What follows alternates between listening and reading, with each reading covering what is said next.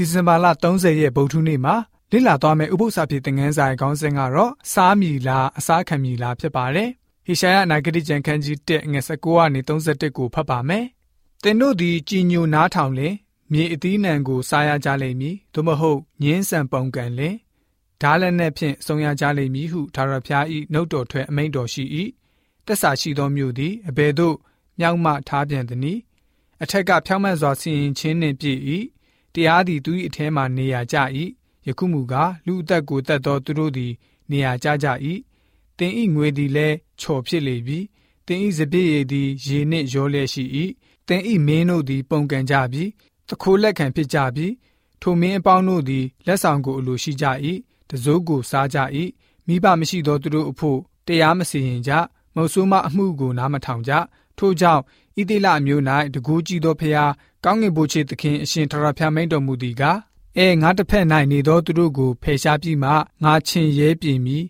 ကိုဖို့ကိုစောင့်၍ငါရန်သူတို့ကိုအပြစ်နှင့်အလျောက်စီရင်မည်တင့်ကိုလည်းငါကင်ယူပြီးလင်ချိုနှင့်ရှင်းရှင်းကင်းစင်စေ၍တင်ဤဂျေးဖြူရှိသမျှကိုလည်းပယ်ရှားမည်တင်ဤတရားသူကြီးတို့နှင့်တိုင်ပင်မှုမှတ်တို့ကိုရှေးဥစွာခံထားသည်နှင့်ဤတူတဖန်ငါခန့်ထားအောင်မည် ထို့နောက်မှာတင်ဤနာမကိုတရားသောမြို့တစ္ဆာဆောင်သောမြို့ဟုသမုတ်ကြလိမ့်မည်ဇီးုံမြို့သည်တရားအဖြစ်၎င်းမြို့သူမြို့သားတို့သည်ဖြောင့်မတ်သောအဖြစ်၎င်းရွေးနှုတ်ခြင်းကိုခံရကြလိမ့်မည်လွန်ကျူးသောသူနှင့်ပြမာသောသူတို့သည်ပျက်စီးခြင်းသို့အတူရောက်၍ထရဖျားကိုစွန့်သောသူတို့သည်ဆုံးရှုံးကြလိမ့်မည်တင်တို့သည်တက်မတ်ဘူးသောတပိတ်ပင်တို့ကြောင့်ရှက်ကြောက်ကြလိမ့်မည်တင်တို့သည်ရွေးယူဘူးသောဥယျင်တို့ကြောင့်မျက်နာပြက်ကြလိမ့်မည်အကြောင်းမူကား အရွက်နွမ်းသောတပိတ်ပင်ကဲ့သို့၎င်းရေမရှိသောဥယျင်ကဲ့သို့၎င်းဖြစ်ကြလိမ့်မည်ခွန်အားကြီးသောသူသည်ပိုက်ဆံလျှော်ဖြစ်လျက်သူ၏အမှုသည်မိဘွားဖြစ်လျက်ထိုနှစ်ပါးသည်အတူလောင်ကြလိမ့်မည်ထိုမိကိုအဘယ်သူမျှမတတ်ရဆိုပြီးတော့ဖော်ပြထားပါတယ်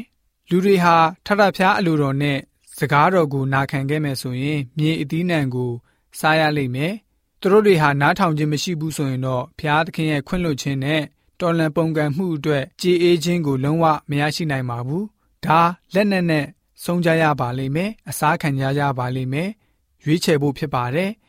အဲ့ဒီကြမ်းကြရဆိုလို့ရှိရင်အခြေအနေအရကောင်းကြီးမင်္ဂလာနဲ့ကျင့်ချင်းအမင်္ဂလာကိုရင်ဆိုင်ကြရမှာဖြစ်ပါတယ်ဟေရှာယအနာဂတိကျမ်းခန်းကြီး1ဟာမောရှေရဲ့တရားဟောကျမ်းခန်းကြီး30အငယ်19အငယ်20ကိုပြန်လည်ညွှန်းဆိုခြင်းဖြစ်ပါတယ်အဲ့ဒီအချိန်ကာလမှာဣသေလလူမျိုးတွေဗြိညင်ထူထောင်တဲ့အခါမှာ အသက်ရှင်ခြင်းတည်ခြင်းကောင်းကြီးပေးခြင်းကျင့်ခြင်းတို့ကိုတင့်ရှိနိုင်ငါထားသည်ဟုတင့်တစ်ဖက်၌ကောင်းကင်မြေကြီးကိုငါတိုင်တည်ဤဆိုပြီးတော့တရားဟောချက်ခန်းကြီး30ငွေ19မှာဖော်ပြခဲ့တာတွေ့ရပါတယ်။အဲ့ဒီကျမ်းချက်ကိုကြည့်လိုက်တဲ့အခါမှာဟိုမရောက်ဒီမရောက်ဂျားနေပုံစံမျိုးကိုမတုံးထားပါဘူး။တည်ခြင်းဒါမှမဟုတ်အသက်ရှင်ခြင်းကောင်းကြီးဒါမှမဟုတ်ကျင့်ခြင်းကိုအသုံးပြုထားပါတယ်။သင်ဟာနှစ်မျိုးမှာတစ်မျိုးတည်းပဲ ရွေးချယ်ရမယ်ဆိုတဲ့အရာပဲဖြစ်ပါတယ်။မောရှေရဲ့အဆိုမိန့်တွေဟာတတိပေးစကားတွေဖြစ်ပါတယ်။ကောင်းကြီးမင်္ဂလာရရှိနိုင်တဲ့ကျင့်ချင်းမင်္ဂလာလည်းပဲရရှိနိုင်တယ်။လူနဲ့ဖျားနဲ့ဗြိဉ္ဉ်ပြုထားတဲ့အထဲမှာဆိုလို့ရှိရင်နံပါတ်1အချက်အနေနဲ့ဖျားရှင်ဟာဆိုလို့ရှိရင်သူတို့အတွက်ပြုတော်မူသမျှအကြောင်းတွေပါပါတယ်။နံပါတ်2အချက်မှာတော့အခြေအနေအရနဲ့ပြည့်ညတ်တော်ဆောက်ထိန်တာနောက်ပြီးတော့ဗြိဉ္ဉ်ပြုထားတဲ့အတိုင်းလိုက်လျှောက်ဖို့ဖြစ်ပါတယ်။နံပါတ်3မှာတော့တက်တည်တကံအကြောင်းတွေနဲ့ နံပါတ်၄မှာတော့ကောင်းကြီးနဲ့ကြင်ချင်းတွေဟာ